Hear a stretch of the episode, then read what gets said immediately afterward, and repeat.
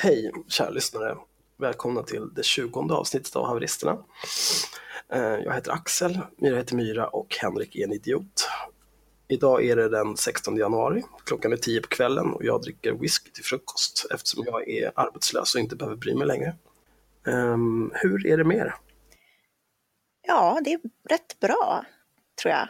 Eh, jag eh, vi har ju haft lite julledigt kan man säga, så att jag känner att jag har glömt bort hur man poddar. Vi märkte ju det omedelbart med att när vi så fort vi kom in och skulle börja podda så funkade inte Henriks mick. Ja, men det är väl standarden. Okej. Hur mår du Henrik? Hur har du haft det? Jo då, jag mår bra. Jag, min mick funkar alldeles utmärkt om inte någon startar kukinspelningen och blir tvungen att starta om allt det här skiten. Men eh, annars så har det varit bra. Det har varit kul de senaste dagarna. Jag har fått debattera med Aron Flam.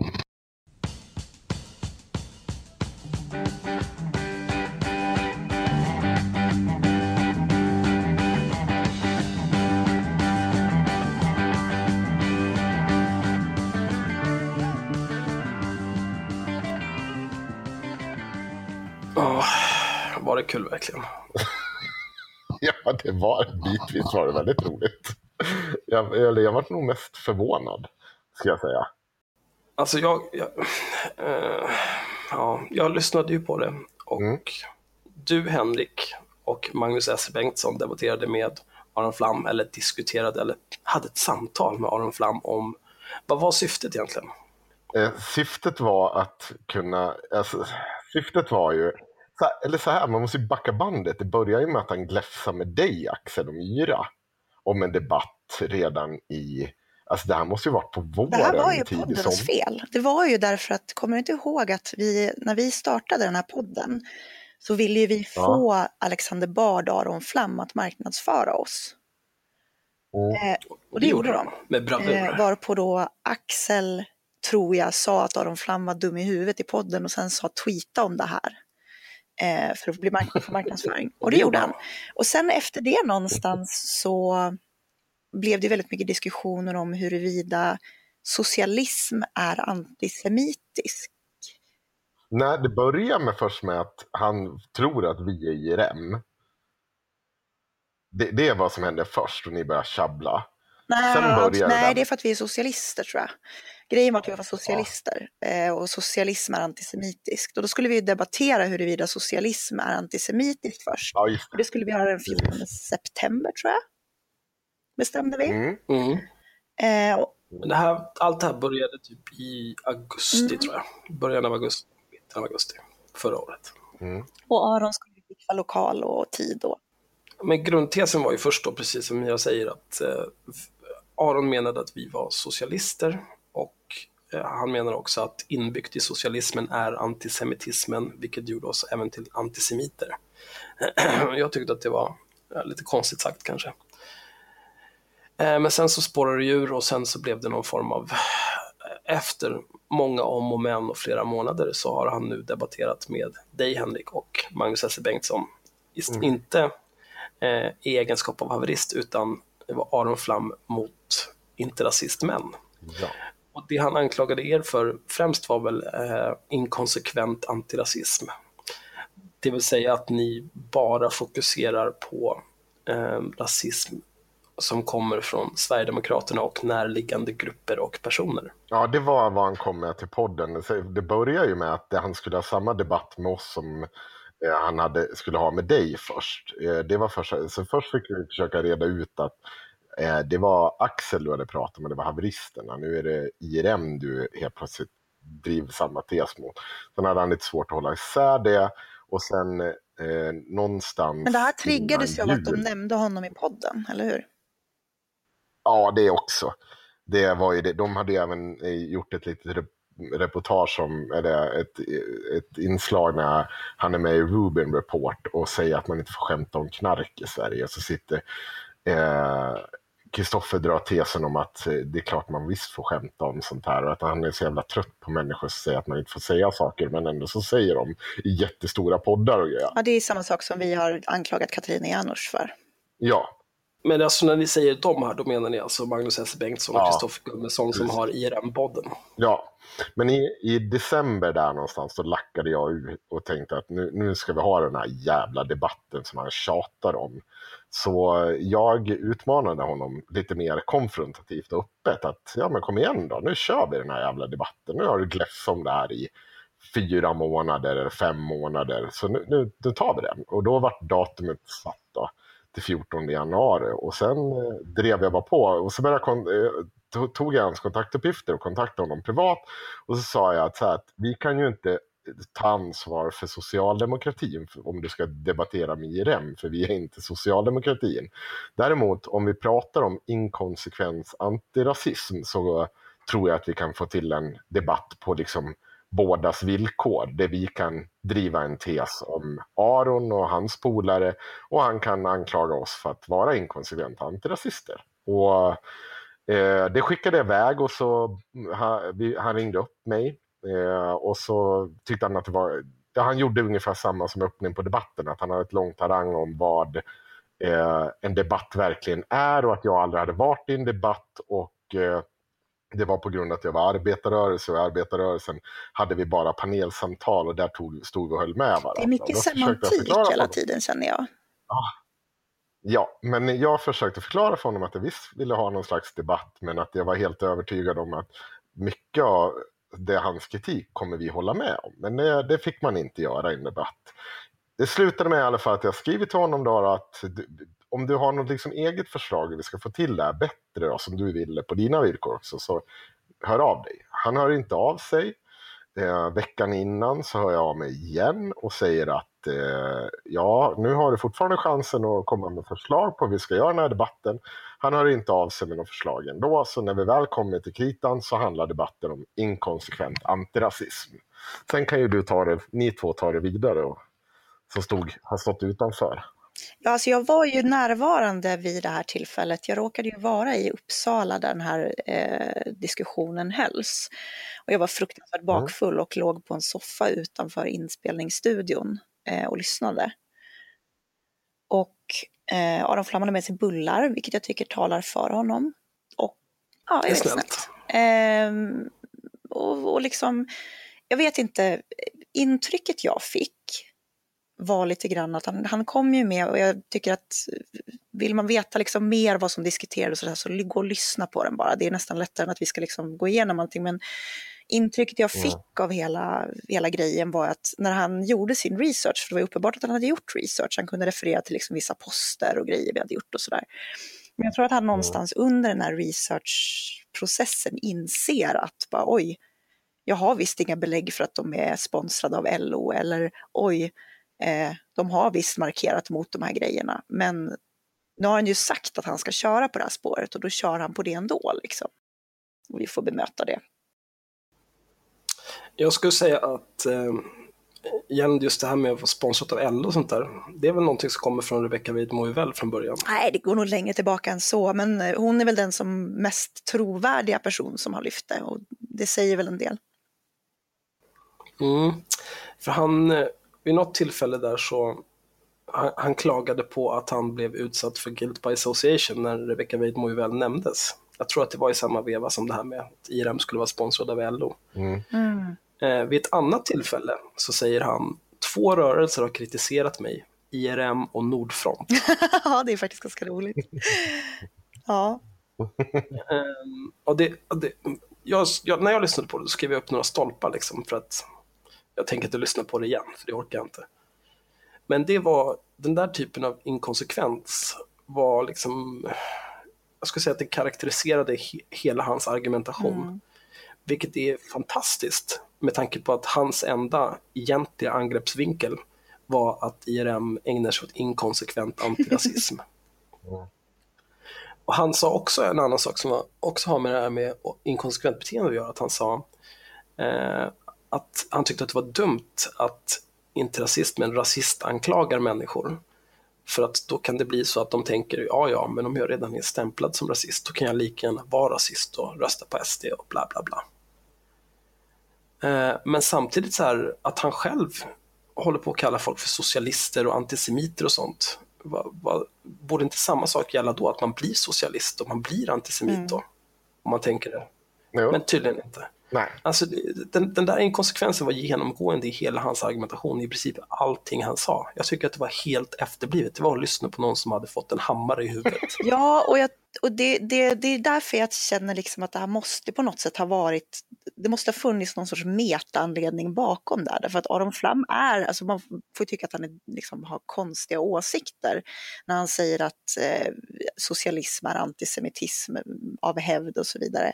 Men jag tror liksom ändå någonstans att han är intelligent nog att inte göra de uppenbara misstagen i ett samtal. Ja, jag vet inte, jag, jag tror att det är ett konstprojekt. Ja, men det, alltså det är det jag menar. Det måste vara medvetet liksom någonstans. Ja, alltså, han är inte, jag tror inte att han är korkad, men han beter sig jävligt korkat. Mm. Ehm, och det är väl, jag vet inte riktigt vad, vi ska, vad man ska säga om det. Men det, det är också så mycket som är så jävla dumt. Han, han höll också på med det här att ni publicerade, det var mycket som jag kände igen från den här Rebecca Weidenfelds granskning Ja. av interrasismen och det hon har skrivit på Twitter om ja, din arbetsgivare har låtit dig skriva texter på arbetstid och publicera texter på arbetstid och det här sker med din arbetsgivares goda minne och bla bla bla bla. Men det bara rappakalja. Säg någonting som är på riktigt istället. Ja, han sa någonting mer eh, angående just det där som jag kände också igen från Uvells... Eh, eller det var nog just det där direkt när han reflekterade över att jag har skrivit inlägg på arbetstid. Det var nog det. Det där har inte han tagit upp i sig själv utan det där har han ju fått från när han har sökt om oss. Ja, men det han sa var att han, så, han såg att texter på Interrasismen-bloggen publicerats typ klockan 10 på en tisdag. Mm. Men eh, ja, jag vet inte. Det går ju att Precis, för det schemalägga. första ifrågasätter jag det därför att våra publiceringstider är typ mellan 8 och 9 är liksom vår första lucka. Så att, eh, Ja, men jag tror inte han ljög om det. det har väl... nej, jag men- kritiserar hans men- research. Ja, okej. Ja. Han hade ju visserligen eh, inringat tiden på en Ja, lapp där också. Det Oj. Ja, han hade väldigt mycket lappar med, alltså ett Mm. eh, anförande. Men jag kan ju säga så här, och det här kan ju vara kul. Aron får ju rätta mig någon gång om han eh, orkar lyssna på den här podden. Jag tror ju precis som Myra sa, att jag tror att han hade skrivit en massa checkar han inte hade liksom balans för. Och det hade han gjort jävligt offentligt. Eh, och eh, när han, och och jag tror att han litade på sina vänner i den här frågan. Så han kör liksom på mot oss ganska med gott självförtroende när han eh, ger sig i kast med att ta den här debatten. Och vi håller ju på klart, fortsätter trissa om det här. Att han ska liksom inte banga bara för att han sätter sig och gör research och inser att det här är fel. Och vi pratade om det väldigt mycket, jag och Magnus, innan. Och vi sa ju så här att eh, han har ju liksom två vägar att gå. Antingen eh, kommer han dit och liksom fightas för sin sak och det blir bara knäppt för att han inte kommer kunna belägga det. Alternativt så backar han och liksom pudlar när han kommer dit och försöker diskutera inkonsekvent antirasism, vilket faktiskt hade blivit ett jävligt intressant samtal med honom tror jag. Jag tror att vi hade både kunnat hålla med och tyckt saker i frågan och det hade nog varit egentligen mycket mer intressant än den debatten som kom ut. Men han gjorde egentligen ett lite mer tredje alternativ, utan han kom dit med liksom kanonerna framme och bara dundrade på. Och det hade jag inte riktigt räknat med. Jag trodde mer att han skulle försöka driva tes, bara säga det och sen bara fortsätta. Men han hade gjort sin research, in, liksom någonstans tror jag insett att det här är fel. Men jag kommer förlita mig på min, mina debattskills. Och det har jag tänkt på hela dagen. I den situationen så måste jag nog säga att han gjorde en jävligt bra debatt. Mm. Jo, men det var ju för att ni kuckade. alltså, dels så, eh, när han pratade, Mm. han, det är klart att han, är han använder ju språket som medium och är van vid att, att eh, tala inför andra människor, att tala överhuvudtaget. Så det är han ju duktig på. Men det han gjorde många gånger, det var ju att han pratade liksom ändlöst. Ja, Och, och det ena vävde in i det andra. Och det var ju flera gånger som ni avbröt honom och sa, det här måste jag ju få svara på. mm, Och sen framåt slutet, kanske sista tredjedelen, mm. då började han ju bli kränkt över, över att ni avbröt honom. Men han malde ju på för evigt. Ja. Jo, jag vet. Och liksom, där, där skulle ni klippt snabbare och sagt nu får du hålla käften Aron för nu har du sagt någonting riktigt korkat och då behöver jag bemöta det. Nu får du vara tyst. Ja, det kan man göra. Det är en debattteknik. Jag är ganska... Alltså det, det blev ju det här, ja, men det är ju reak- ser man ju reaktionerna idag också. Ja, men ni avbröt ju honom hela tiden. Nej, han säger att vi avbryter honom hela tiden. Ja, Det precis. inte Men det är ju också... Det är att han har det just pratat i knep. 10 minuter, har slängt ut sig 15 påståenden som inte är sanna. Vissa som han har till och med erkänt själv att de, han inte har fog för. Och ba, men bara fortsätter att driva, driva tesen. Och då måste vi få svara. Mm. Det är liksom Ja. så. så det, en moderator hade avbrytit Aron och sagt att nej, det här måste få besvaras. Mm.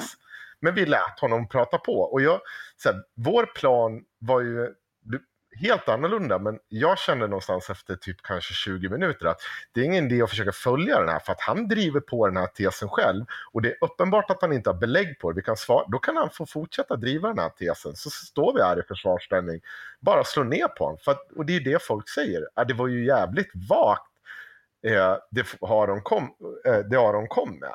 Och så var det någon som jag såg på Twitter som skrev att så här bara, ah, du har gjort dålig research Aron. Nej, det handlar inte om att Aron har gjort dålig research. Han har gjort den enda researchen han kan göra. För det finns inte den beläggen för hans teser. Och han får, det, är, det är bara släppa det, det är inte dålig research. Det handlar om att han gick Ja, han in, gjort bra guns research. blazing. Ja. Och, Ja, det var, det var ju tesen det var fel Ja. på. Det var Och till hans, eh, till hans försvar så erkände han ju också det. Ja, Han sa ju han. faktiskt med LO, nej men jag har inga andra belägg för det. Nej, fast sen fortsatte han Mm, att det var precis. LO. Det var ju, så att han får, han får en svagt erkännande där eftersom han ändå så tog upp det igen. Nej, men det får man väl... Alltså det är ju, det, är- för Aron är ju en vinnare oavsett, för att han är ju... Var två timmar fram och tillbaka till Uppsala, så han kanske var där två timmar. Och sen, eh, vad kan han ha lagt på research? Tre, fyra timmar kanske? Ja, Sa att han hade seta hela helgen. Ja, okej. Jo, men fortfarande. Ja. Nu har han ju publicerat det som ett avsnitt av dekonstruktiv kritik och dragit in 3000 dollar från Ja, sina ja. patrons. Ja, absolut. Han är ju en, en huge winner. Plus att han har fått eh, oändligt med bra sagt Dan i kommentarsfältet. Jag fattar inte. Det, när, jag, när jag läste det, för, alltså mitt intryck när jag lyssnade på det, när jag hade lyssnat klart och jag tittade igenom stolparna jag hade skrivit, då kände jag så här, shit Aron, du blev blown the fuck out. mm. Du blev verkligen nedhållen och bara penetrerad i hål du inte visste att du hade. För det här var så jävla dumt. Men sen så läste jag kommentarerna på hans sida och där, där tycker de tvärtom. Jag bara känner mer och mer att liksom, det är ingen idé att ha en åsikt. Men så mycket ryggdunk får han faktiskt inte. Alltså det är ju svaga ryggdunk måste jag ändå säga det. Mm. Jo, men det är ju, alltså de, de som ryggdunkar, ryggdunkar. Och när man ryggdunkar, ryggdunkar man rejält. Men det är klart att Ja. de som ser det här för vad det är, eller liksom se, har någon form av, in, inte är fanatiska i sin tilltro på Aron som socialismens främste nedkämpare. Ja, men de väljer ju att inte kommentera för att de, de tänker att det här kanske inte var så jävla bra. Nej. Men samtidigt så det hindrar ju inte folk som Aron och Rebecca Weidmoivell och, och så vidare att hålla på. För att de bryr sig ju inte. Det enda de ser är ju de som säger bra sagt Dan. De verkar ju vara helt immuna mot all form av självinsikt, självkritik och Ja, jag kan ju säga att, eh, att det, det var ju det var ju en ganska markant skillnad ehm, på honom i själva inspelningen av podden och utanför det. Eh, där jag upplevde att han hade en ganska, mm, alltså en mycket mer rimlig inställning till hela frågan. ja, nej, men som sagt, jag tror att det här är ett konstprojekt. Jag tror, alltså som sagt, jag tror att det finns en metaanledning för det. Jag tror inte att han egentligen tror, trodde på hälften av det han stod och sa. Liksom. Ja, men han är ju liksom en entertainer. Så det är klart att han, han drar väl saker till sin spets, även sin egen person, när han är i de här situationerna. Det tvivlar jag inte en sekund på. Men eh, jag vet inte, är vi klara med det här? För att jag, Ja, det är inte så mycket mer att säga. Tycker man att det är kul att veta mer om det här så kan man ju gå och lyssna på det avsnittet. ja, vi kan ju länka både till den som finns på IRM Soundcloud och på Aron Precis. Flams Rösta Soundcloud. med klick. Så får, Så om man Så känner att man får the cooties av oss, då får man ta Aron Soundcloud och vice versa. Mm. ja. Och glöm inte att bli Patreon också. Nej, precis. Men det här är det enda jag får. Jag får ju inget betalt för det här heller. Fy fan vad värdelöst det är. Jag så dålig jävla kapitalist. Eh, och ja, jo, men vem är inte det? Du är ändå den som Ja, tjänar bäst vi- av oss å andra sidan. Ja, men jag fortfarande, det är första gången i IRMs sexåriga historia som vi har fått kritik för att vi har kapitaliserat för lite på IRM. Ja, det är faktiskt roligt. det, den var faktiskt jävligt, det var jävligt nytt och intressant vinkel på det hela. För jag fan spenderat två år av att lyssna på hur jag kapitaliserar på antirasism. Kapitaliserar. Ja, Herregud alltså.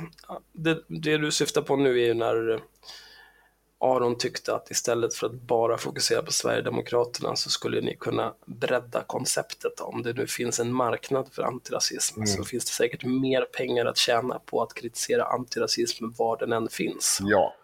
Eh, eh, ett otroligt korkat argument.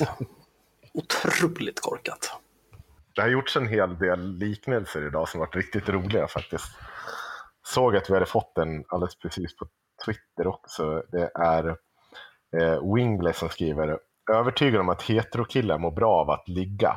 Därför ligger X med en del av dem på ideell basis. Dock ligger X inte med alla. Eh, är X inkonsekvent och heterokillar hatar det nu? Har flex och ibland har det skett under kontorsres. Fråga åt en kompis. Ah, nej, men, nej, men det är ju helt rimligt. Alltså, det här med inkonsekvent antirasism, det är så jävla, jävla dumt.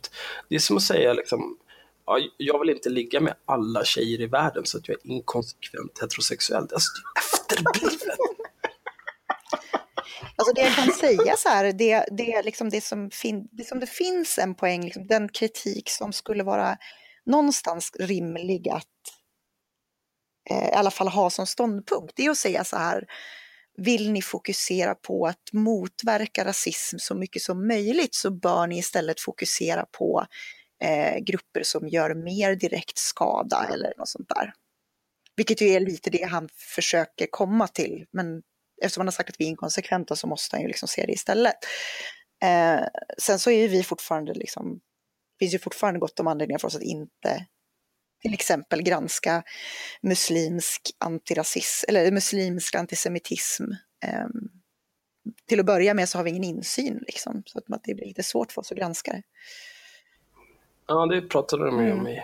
Men det, det, det var ju när Aron tog upp att det, eh, större delen av antisemitismen kommer från, var det från personer som, med mellanösternursprung. Ja, Och sen Vänster. den näst största gruppen var vänstern och sen tredje största gruppen var högerextremister. Mm. Eh, men det är ju, dels så handlar det ju bara om antisemitism. Mm. Ehm, och sen så, det, det står ju var och en fritt att vill du granska antisemitism från eh, muslimer, gör det. Vill du granska antisemitismen inom vänstern, gör det. Ja, ja. Aron, Men liksom- Aron Flam skulle ju kunna göra det till exempel. Ja, alltså, det är ju uppenbart att han tror ju att det finns pengar att tjäna på att vara antirasist, så då kan ju han sätta igång och granska all jävla antirasism som finns i precis hela jävla världen. Varför begränsa sig till antisemitism i Sverige? Varför, varför inte till exempel, eh, jag inte, det finns säkert någon härlig, massa härlig rasism mellan folkgrupper i Rwanda. Ja, absolut. Engagera er i det Aron. Fy fan vad inkonsekvent. Skulle vi inte lämna det här ämnet förresten? Ja. Ja, men jag blir så jävla arg alltså. Varje gång, varje gång jag hör idioter öppna käften så vill jag klösa ut hela min hjärna och bara kasta iväg den. Jag orkar, jag orkar inte höra, det är så dumt. Ja, det är lite samma det där, samma whataboutism om och om igen rätt ofta. Eh, men jag tycker att vi släpper, vi släpper IRM. Jag känner att jag har pratat nog om IRM nu. Ja. Nej, men, alltså det, det, det, hela den här grejen, det handlar ju alltid om så här, tänk om någon får Nobelpriset för att de har lyckats bota bröstcancer. Och sen så, så här, när de ska få priset så, nej, men du får inget pris. Varför har du inte botat all cancer? Precis. Det är precis så dumt det är. Bara, men jag har gjort någonting. Jag har gjort någonting. Ja, ja. Vad fan? ja men och det där är ofta en ursäkt för allt. folk att liksom slippa lägga ner tid och energi själva också. Att, ja men jag har inte tid att granska all rasism, liksom, så att jag låter bli. Det borde ni också göra. Eh, jag tycker att det är lite mesigt. Det var någon på Twitter, det här var ju under, under Arons delning av det här, som pratade om att det här är inte det största samhällsproblemet, SD är inte det största samhällsproblemet, så att då kanske de ska fokusera, fokusera om. Och då kände jag lite så här, okej, okay, men då måste du också ja, kontakta alla sportjournalister. Jag tror sport är inte ett samhällsproblem överhuvudtaget beroende på hur man ser det. Så att, då måste ju de också börja granska bara det största samhällsproblemet, vad det nu är. Hemlöshet till exempel eller våld. Ingen får skriva om någonting annat än exakt bara det största samhällsproblemet. Och det är ju som julhandeln också. Mm. Liksom. Mm. Det, är väl, det är väl ett större problem att eh, folk svälter i världen än att eh, någon ful jävla unge i Haninge inte har den senaste mm. iPhonen. Det blir ingen telefon överhuvudtaget. Nu ska vi lösa världssvälten. Yep. äh, det är ja. Men överlag är det ju det är mycket enklare att kritisera folk som gör någonting än att göra någonting själv. Mm. Det är ju därför som jag kritiserar folk dagarna ända, för att jag orkar inte göra Nej, men precis. Men då har du i alla fall sagt det. Ja, och jag är, hycklar inte om det. Det är det viktigaste. Hycklare är de första vi ska elda upp. Ja. Nu går vi vidare till Victoria Cavesa istället.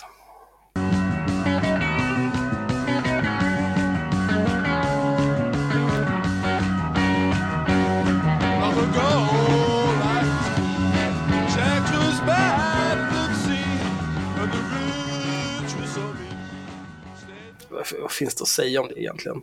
Hon eh, plagierade och så nu är hon dömd för att ha plagierat. Jag kan läsa den här korta mm. artikeln. Förra FI-ledaren döms för upphovsrättsbrott. Feministiskt initiativs tidigare partiledare Victoria Cavesa döms för upphovsrättsbrott, rapporterar Expressen. Brottet begicks när Cavesa föreläste på en konferens om genusfrågor på Linköpings universitet förra hösten. Då var hon doktorand men använde sig av ett 20-tal formuleringar från en annan doktorand. Denne var på konferensen och noterade att Cavesa inte källhänvisade. Hon hade heller inte bett om tillåtelse. Cavesa har inte agerat med uppsåt enligt tingsrätten, men med grov oaktsamhet. Hon döms att betala 15 000 kronor i böter samt 6 000 kronor i skadestånd till den andra doktoranden. Victoria Cavesa var partiledare i Feministiskt initiativ jämte Gudrun Schyman mellan mars och september i år. Och det här är en gammal artikel så det är 2017 mm. som är i år. Ja, precis. Och det här kom, det briserade ju också i slutet på hennes karriär som, eller korta karriär som partiledare. Eh, där hon sa att hon drog sig tillbaka för att hon inte eh, klarade av det tillsammans med, jag tror det var hemmalivet eller vad fan, vad fan säger man? Ja, fick inte ihop livspusslet som det så fint heter. Ja, precis. Och um, jag minns det så väl att det, det var så många som eh, slog på stora tumman om att det handlade om eh, kvinnliga partiledare när Anna Kinberg Batra avgick och sådär. Och så tog man då Kavesa i den här vevan och jag bara, ja, alltså för det första är hon ju eh, liksom partiledare för Feministiskt initiativ. Jag, jag hoppas att de har gjort ett något bättre, även om jag inte tror att de är felfria på något sätt. Men just i den frågan så hoppas jag att de klarar av en kvinnlig partiledare utan att hon ryker på grund av män. Det får man ju verkligen hoppas. Och för det andra så sa jag det också så här, alltså hon, hon, det har ju hänt ett par saker under tiden här. Hon står anklagad för plagiat och det var någon till grej där också. Jo, men där var ju också tesen att enda anledningen till att man orkade bry sig om att hon hade plagierat var för att hon var en svart kvinna. Annars hade hon kommit undan med det. Ja, det, det finns ju förklaringsmodeller ja. för allt om man vill. Liksom. Ja, precis. Men det, det är ju Oppression Olympics. Mm. Ja, men det var ju det som var poängen. Jag tyckte det var kul, eller liksom när den väl kommer också, att hon faktiskt är dömd för det. Då sätts ju hela den här argumentationen i ett helt annat jävla ljus. Och man kan ju definitivt frågasätta varför hon avgick som partiledare. Var det för att hon insåg att hon förmodligen kommer bli dömd så ska man ju sitta jävligt tyst i båten. Jag, fick en, jag kommer ihåg att jag, jag var väl inte ensam om det, men jag fick en hel del skit för att jag påpekade att det var väl lite orimligt att släpa med henne in i den här ekvationen med tanke på vad, ja, dels vad hon stod anklagad för och dels för att hon faktiskt var partiledare för Fi. Det låter ju lite märkligt, men... Eh, Ja, fast nej, men det, fast det var ju inte det, var ju inte det att de tyckte att de de påstod ju inte att hon hade strukturellt missgynnats av Fi, utan det man sa var ju att, att offentligheten dömde kvinnliga politiker mycket hårdare. Och att det i sin tur gjorde också. tvingade avgå. Inte i den diskussionen jag var inblandad i. Jo, för jag var också där. Alltså, hela den där, det var ju att kvinnliga partiledare dömdes mycket hårdare, bla bla bla. bla. Men de menar ju inte att de döms mycket hårdare av partiet, utan det är att partiet tvingas ta, vidta åtgärder på ett annat sätt därför att offentligheten dömer dem. Men, men det där handlar ju om, det där är ju stort. Det där är ju precis som om man jämför vilka frågor som eh, manliga sport, sportare mm får jämföra, ja, vad fan heter det, idrottare? Mm. Manliga idrottare får jämfört sportboll. med... Sportboll, Axel, sportboll. Ja, sportboll. Mm. Nej, men om man jämför de frågor som manliga sportbollare får jämfört med kvinnliga sportbollare. Mm. mm. Eller till exempel eller skådisar eller vad som helst, om man tittar på så röda mattan-grejer. Vad har du på dig idag? Vad är det här för klänning? Det är ju, eh, samhället behandlar ju män och kvinnor olika, men det vet ja. vi ju. Det är inget nytt. Nej, och sen Nej. så finns det ju absolut. Um, till exempel så uh, man kan ju dra paralleller när man pratar om att liksom män och kvinnor behandlas annorlunda så är det ju uh, rätt intressant att titta på senaste presidentvalet med tanke på att det var en man och en kvinna som faktiskt kandiderade mot varandra. Uh, och det där har ju diskuterats skitmycket. Men där ska man också ha i åtanke att, att Hillary blev, blev liksom attackerad i egenskap av kvinna. Um, men Hillary gick ju också ut och mm, alltså vad ska man säga, profilerade sig väldigt mycket som kvinna. Alltså att säga om du är kvinna så borde du rösta för mig för jag är kvinna. Och då är det också mm. rimligt att hon blir angripen som kvinna. Identitetspolitik ja. helt enkelt. Eh, men det är klart att det finns liksom en skillnad i, nu var ju Trump så jävla dum i huvudet, jag menar jag tror så här, hade Hillary varit upp mot en man som inte var Trump så tror jag att man hade kunnat dra mer slutsatser av att hon förmodligen utsattes för en, en eh, annan kritik. Det är lite som att ledarskribenter, när man gör eh, koll på hur ledarskribenter blir bemötta och vilken typ av hot de får och sådär, så får ju kvinnliga ledarskribenter får ju väldigt mycket mer sexuellt laddade hot eller förolämpningar. Typ du är en hora, du hoppas du blir våldtagen eller jag ska, jag ska knulla vett i dig och sådana grejer. Medan män får våldshot istället. Så det finns ju en skillnad mm. i hur de, vilken typ av kritik de får. Eh, och det kan vara frustrerande, är jag övertygad om. Mm. Ja, absolut. Men jag, jag, tror inte att det är applicerbart här. Nej, precis. Eh, det är väl det som är grejen. Jag, liksom, jag tänker att det är klart att man måste ha ett öppet sinne för att man kanske gemene man alltså, dömer kvinnor lite hårdare än män. Ett bra exempel är ju ofta att kvinnor, kvinnliga politiker kanske framför allt, har eh, någon sån här damned if you do, damned if you don't, som är att är de för mjuka, då är de, då är de liksom känslomässiga och kan inte bli litade på. Och är de för hårda, då är de liksom någonting onaturligt med dem. De är bitches och eh, ja, det är någonting som mis det är något misstänkt med kvinnor som liksom är för hårda. Om de inte liksom håller på och pratar mjuka värden så är det någonting konstigt med dem. Och jag tror att män har ja. inte det problemet på samma sätt. Nej, alltså det, det, det handlar väl mer om att eh, en, en, man som uttrycker typiskt, vad ska man säga, kvinnliga värden och står för kvinnliga värderingar. Eh, det går ju också ofta åt mm. helvete. För då är man ju någon form av kuck. Man kanske till och med bög, liksom. det kan ju vara vad som mm. helst. Nej men precis. Och då går det också åt helvete. Men samtidigt är det ju mycket lättare för män att bara agera inom ramen för vad som är eh, acceptabel manlighet i det samhälle de bor i. Och de är ju tillåts ju göra mycket mer också. Jo, men de kan ju sitta i en tv-soffa och vara lite mjuka och mysiga och prata om att det var ju fint den här gången när de fick sin dotter, typ. Och det, då är det lite fint och i alla fall accepterat. Um, men en kvinna som kanske säger att, inte vet jag, nej men jag har valt, tänk Condoleezza Rice. Nu kommer hon undan faktiskt väldigt mycket, Condoleezza Rice. Trots att hon införde... Ja, men det var ju för att de var livrädda för att George Bush skulle ha någonting att säga ja, till om. Ja, precis när hon liksom inför waterboarding och är allmänt själlös. Eller Margaret Thatcher för den delen. En annan mm. härlig kvinnlig politiker.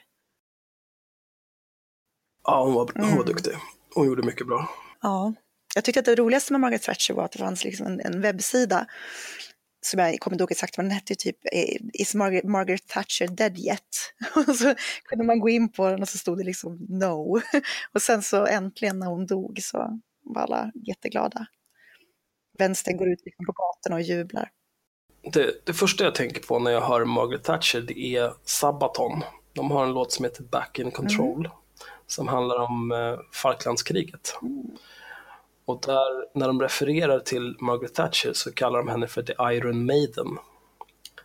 Och hennes egentliga smeknamn var ju The Iron Lady. Mm. The Iron Maiden var en form av tortyrredskap. Och, och varje gång, ja, ja det också, men varje gång jag tänker på det så tänker jag, vem fan vet inte att det var The Iron Lady? Alltså, och så vill jag spränga Sabaton. Ja, men precis Axel, det var det jag ville komma till. Varför, hur kan du referera till texter och Sabaton? Vad är det för fel på det?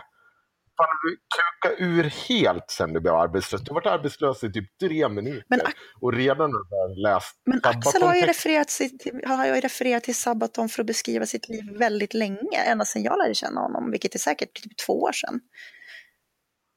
Uh, Sabaton är asbra. Ja. Det här är inte nytt. Nej, ah, okej. Okay. Som en judisk vän till mig sa, det är Ultima Thule 2.0. Nej, det är hårdrocks Ultima Thule brukar jag säga. Folk blir skitkränkta av det också. Det är så riktigt jävla kränkt. Jag skriver det på Facebook. Jag hade fått så jävla mycket näthat som jag fick då. Alltså. Jaha, nej. Alltså, men äh, Sabaton är ju... Dels, de är ju de är mångfacetterade. Dels har de ju varit och spelat för någon så här nazi, eh, vad var det, bikerklubb i typ Ukraina eller någonting. Mm. Och typ eh, ville inte prata om vad de tyckte om deras eh, politiska åsikter utan de sa bara vi spelar för de som vill höra vår musik, vi bara kör. Det kan man tycka är lite tveksamt, men de har samtidigt donerat typ 100 000 kronor värt med merch till eh, flyktingar. Ja, det var Refugees Welcome um, i den där största flyktingvågen. Ja, ja så det, det är bra. Plus att eh, när man eh, går i tunnelbanan och så lyssnar man på till exempel Primo Victoria och tänker, för fan alltså. Om jag bara hade ett power armor nu, fan jag skulle döda alla de här människorna. ja. Det är bra, en bra känsla. Okay. Ja, jag gillar det. Nice. Men eh, nog om det, låt oss prata om Amineh Kakabaveh istället. Ja. Nu har ju Henrik fått vara problematisk mot en rasifierad kvinna, så vi tar väl en till när vi ändå håller på. Eh, det här, jag tänkte att du kan läsa den här. Det är en eh, debattartikel i Aftonbladet som är skriven av Amineh Kakabaveh. Och rubriken är Utfryst efter att jag talade om hedersvåld. Därför sparkar ledningen i Vänsterpartiet ut mig från riksdagen, riksdagslistan. Uh, oj, nej, den var inte så lång. Uh, eh, under onsdagen blev jag informerad om att valberedningen för Vänsterpartiet i Storstockholms riksdagslista beslutat sig för att sparka ut mig från nästa års valsedel. Detta trots att vänner med insyn i processen säger att jag fått åtskilliga nomineringar. Det kanske stämmer, valberedningen har inte gjort någon... Alltså hon skriver ju också för jävligt alltså. Valberedningen har inte gjort någon offentlig sammanställning. Ah, okej, okay, det var jag som läser som jävla idiot. Jag tar tillbaka. Amineh, du skriver jättebra. Det är jag som är efterbliven. Det kanske stämmer. Valberedningen har inte gjort någon offentlig sammanställning om nomineringarna. Varken till mig eller till journalister som frågat har det getts någon motivering till beslutet. I ett brev skriver man att riksdagslistan tagits fram efter intervjuer med partiledningen. Sommaren 2015 skrev jag om förortens moralpoliser och hur dessa begränsar flickor och kvinnors liv. Bla, bla, bla. Det hette att jag spred falska rykten. Bla, bla, bla, bla, bla.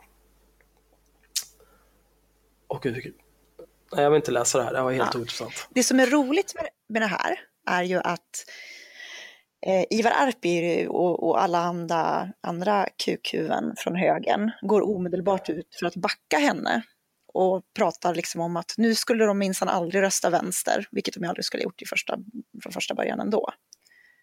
Eh, lite grann mm. som den här... Arpi skrev så här. Uh, Amina Kakabaveh har hållit mitt hopp om vänstern vid liv. Den regressiva vänstern, som hellre allierar sig med islamister än med kvinnor, är dock starkare i Sverige.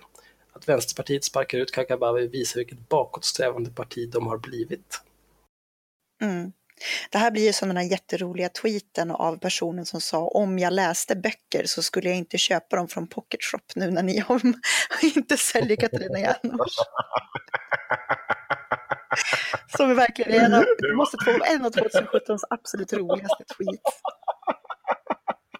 Ja, men jag, jag skrattar faktiskt inte åt den. Jag skrattar åt det var en strålande liknelse måste jag säga. Ja. det var det faktiskt. Om jag hade röstat på Vänsterpartiet, då hade jag tyckt Eller om vi, ska, om vi ska sparka lite åt vårt eget håll så kan jag ju säga, eller de alla möjliga vänstermänniskor som plötsligt säger att nu tänker de minsann inte boka någon galamiddag på Grand Hotel när de har gett plats till SD. Precis. Och så tittar man på dem och bara, ja, nej, du känns verkligen som deras målgrupp. De är säkert helt förkrossade. Ja, men det gick ju liksom inte...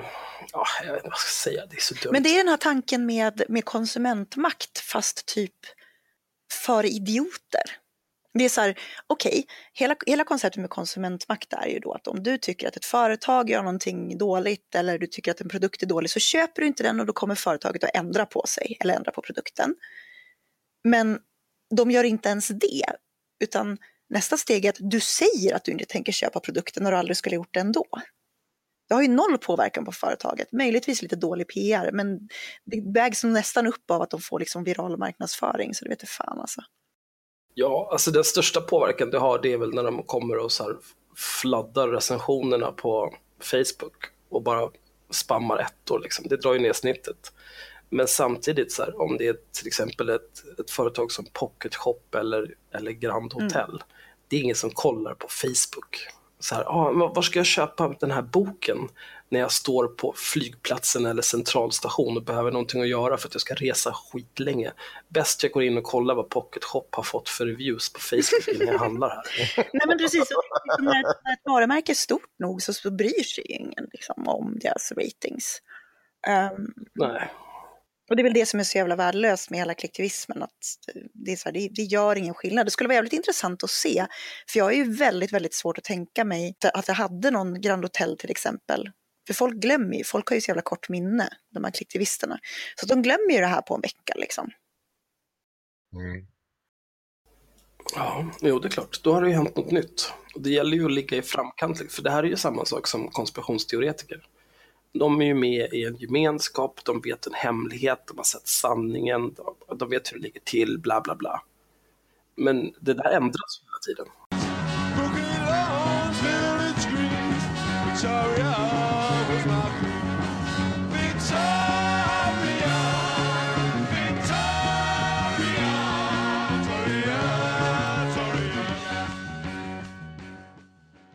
Här kan vi ju nämna H&M då som ju har varit med om exakt det här ganska nyligen. Faktiskt. Um, det här när mm. de har en, en svart pojke som är modell med en tröja där det står typ cutest monkey in the jungle eller något sånt där. Coolest monkey, ja okej. Okay. Ja det är klart det var en killtröja så att där kan vi prata liksom någonting. Oj. Men alltså H&M är ju betydligt, de är bra på att vara sexister liksom. Så att där skulle jag kunna kritisera dem. Men skitsamma. Um, och, och folk blir jätteupprörda och tycker att det här är rasism och, eh, och det blir världens kontrovers. Henrik in och bråkar med rasifierade antirasister. Eh... Det gjorde jag inte. Jag var inte inne och bråkade med dem. det ska vi inte ta i så mycket. Jag frågade bara om, om man fortfarande skulle kräva bojkott om nu företaget försökte ge bot och bättring. Ja, det var mitt resonemang. Och då kanske det kom en bunt påståenden som man kanske, än en gång, det där med att eh, skriva checkar man inte har balans för. Ja, det var ju faktiskt lite roligt. Att den här personen, vi behöver inte nämna, men det var, jag vet inte om det är relevant, om den personen är tillräckligt offentlig för att det ska vara relevant, men eh, säger ju, för du frågade, hur var det, du frågade om, om, de, om, du vis, om de visste hur Nej. familjen till den här pojken kände inför det här. Ja, nej, hon säger så här att H&M borde ha bett pojken Stramil om ursäkt. Och man borde ha tagit fram en plan. Och min första följdfråga, och jag tycker inte det är svårare än att, då ställer jag följdfrågan, har man inte bett familjen om ursäkt och eh, har man inte startat en sån plan? För att jag visste ju nämligen att den här personen kan ju omedvetet, omed, omed, vad säger, omöjligt veta om det har, uh, har skett. Så då svarar personen att eh, jag har kontakt med pojkens eh, mamma, så jag vet. Och då, bara dagen efter att hon har eh, sagt det här så visar det sig att pojkens mamma har sagt att eh, det här är bara trams, kan ni lägga ner och fokusera på något viktigare? Plus att hon säger att eh, hon har varit med på alla inspelningar och det var ju också en tes att det omöjligt kunde ha funnits några rasifierade där, för då hade det aldrig skett. Nej, men det, det, är klart att morsan var med. Pojken ja. var ju typ 5-6 år gammal. Mm. Det tänkte jag också på när de sa det. Att jag tänkte, borde inte föräldrarna varit med på det? De brukar ju alltid vara med på just sånt här när de är så små. Mm. Det är inte så att man går och lämnar dem hos ett företag och så bara, ja kul med mitt barn, spela in film. Eller hota det. det åh gud vad det blev. Det var inte så. Nu blev, nu blev det ingen bra Henrik, känner jag. Nej. Nu byter vi ämne. Nej men eh, det var, det var roligt. Eh, jag tycker att folk är mm. töntiga. Jag tycker att det finns betydligt viktigare saker man kan fokusera på eh, som vanligt. Oj, finns det alltid? Ja, precis. Det finns alltid något viktigare. Så vi får bara, det är bara hungersnöden vi får engagera mm. oss i. Nej, men alltså jag, jag, jag, hoppar inte på folk och säger det här till dem å andra sidan. Alltså så här, att jag liksom för någon sorts debatt mot dem och säger ni borde, varför, varför fokuserar ni inte på att vi har ett rasistiskt parti i riksdagen? Ni måste ju göra det istället för det här. Det gör jag ju inte. Jag låter ju dem hålla på med sina dumheter och sen så säger jag, jag tycker det här är dumheter, men whatever. Jag förstår inte varför inte jag förstår inte varför Aron Flam åkte till Uppsala för att debattera med IRM när han kunde ha kritiserat det här istället. tycker jag var dåligt gjort av honom. Mm. Ja, precis inkonsekvent. Han hade förmodligen blivit helt dum i huvudet om han hade sett att lyssna på alla de här jävla poddarna i följd under hela helgen för att komma med research. Då hade han nog tackat nej. Ni är ju sjuka i huvudet. Ja, jag tror faktiskt också det. Jag tror, att han, jag tror inte att han skulle ha debatterat, eller vad man nu vill kalla det. Jag tror inte han skulle ha spelat in med oss om han inte faktiskt trodde att vi skulle kunna eh, komma med någonting vettigt. Men du, eh, Eh, får jag flika in med ett litet ämnesbyte, eh, men det är fortfarande på kvinnospåret, så vi kan fortsätta mm. tracka på kvinnor. Mm. Ja, ja, en grej jag missade som jag hade faktiskt tänkt att ta upp här. Eh, har ni läst den här granskningen om moderata Eh, kommunalrådet i Göteborg som har åkt fast med att fifflat lite med semester? Nej, men då tycker jag att det var roligare med den andra moderaten som hade förskingrat 53 miljoner från sitt företag och sen skänkt dem till en kvinna eh, som skulle använda dem för att frakta guldtackor från Nigeria till Sverige. Det tycker jag är roligare om man nu ska prata om moderata politiker som inte kan hålla i sina pengar. Det här är alltså på ja, riktigt, det här är det verkligen en Nigerian Prince-scam. Mm. Eh, ja, ja. Han träffar den här kvinnan från Nigeria. Hon säger att eh, hon har guldtackor som hon ska frakta till Sverige, men det kostar pengar. Den här moderata politikern Eh, förskingrar en massa pengar eller liksom myglar ut en massa pengar från sitt företag för att kunna skicka de här till hennes eh, kontakt. Eh, och sen så lever den här kvinnan och hennes man någon sorts jetset-liv i Nigeria med de här pengarna. Mm det är ganska roligt. Nu vill inte, nu, okej, okay, men nu, nu känns det som du tog lite udden av det här. Men det var det som var meningen. Jag tycker att det här är en roligare historia. Ja, Poängen är att det är extra det, det. roligt när moderater gör sånt här, för att de tycker liksom att man ska vara ansvarsfull och gnäller på att de behöver betala skatt. Liksom. Skatt, ja. Men jag kan, jag kan berätta lite snabbt om bakgrunden, jag ska inte dra så långt. Det, det första är ju att det har framkommit att eh, eh när hon har varit på semester så kanske hon har eh, bara varit på fem dagars semester när hon egentligen varit på sju dagars semester. Eh, och så har hon hållit på sådär och det är det första som eh, eh GT uppmärksammar. Men man har också börjat titta lite på hennes resor med flyg och så vidare. Och då visar det sig att hon av outgrundlig anledning, eller det är inte så jävla outgrundlig anledning, men gång på gång återkommer till att flyga med det här holländsk KTLM, tror jag det heter. KLM? KLM, ja. Mm. Och en av de fanta mest fantastiska resorna det är när hon ska åka till Helsingfors från Göteborg. Och istället för att ta direktflyget med ett vanligt flygbolag som går däremellan så tar hon KLM, flyger till Göteborg, byter i Amsterdam och flyger till Helsingfors. Och samma resa tillbaka. Och det är såklart för att hon ska få ihop de här flygmilen. Och när, när hon får frågan om det här, då säger hon att ja, fast det är lite bättre benutrymme på KLM. Oj.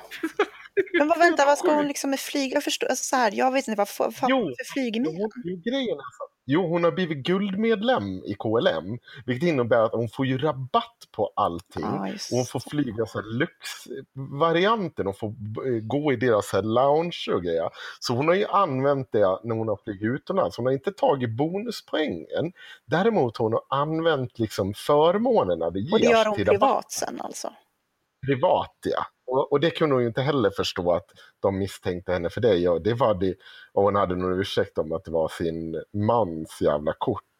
Eh, och hon stod ju på sig och ville inte svara på några frågor där.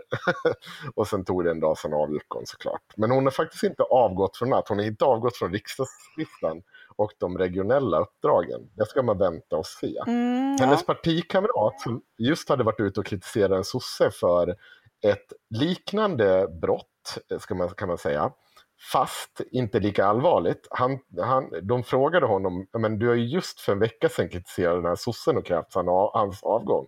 Varför gör du inte det nu? Ja, jag ser likheter och olikheter. Ja, olikheterna är att din partikamrat har gjort det här hundra resor värre, ditt jävla efterblivna mähä. Men det var väl Det någon är från, det som- var det någon från SSU som hade tagit taxi ner till... Ja, ja. Ja, Nej, upp till Sälen. Eh, Nej, ner från Sälen. ner från Sälen till. Stockholm typ, eller dylikt. Ja. Istället för att ta tåget eh, för att personen hade så här social fobi eller någonting. Ja, nej, han hade, det var nog, han hade gått in i väggen. Sen Ja, var han strax tillbaka. precis. Det är hänt. Så det är lätt hänt. Jag har ju insett med tanke på alla de här att det är ju resor man ska mygla med tydligen. Så att eh, Mm. jag kommer att skicka in mina reseräkningar. Ja, precis. Gör gärna inte det. Mm. Ehm, för det är tydligen, that's the way to roll. Eftersom vi ändå Ja. pratar om, om partier och sådär så skulle jag vilja gnälla på Miljöpartiet. Ja, Och det här Mm, vill jag kör. göra utifrån, alltså utifrån mitt, ett av mina absoluta hjärteämnen som är sexarbete. Ehm, det här är alltså så att jag upptäckte det här av en, en slump faktiskt, därför att det är en person som, eh, som jag inte vet vem det är som lägger till mig på Facebook eh, och jag går in för att titta vem det är och hittar en post och då är det alltså en person som heter Daniel Tukia som skriver så här. Eh, Jag slutar som jämställdhets och mångfaldsambassadör för Miljöpartiet med omedelbar verkan. Jag hade egentligen tänkt avsluta alla mina politiska uppdrag vid valet i höst, men efter att ha postat ett inlägg som ifrågasätter ifall den svenska sexköpslagen verkligen fungerar har jag fått veta att det saknas förtroende för mig eftersom jag citat, inte delar Miljöpartiets feministiska värderingar.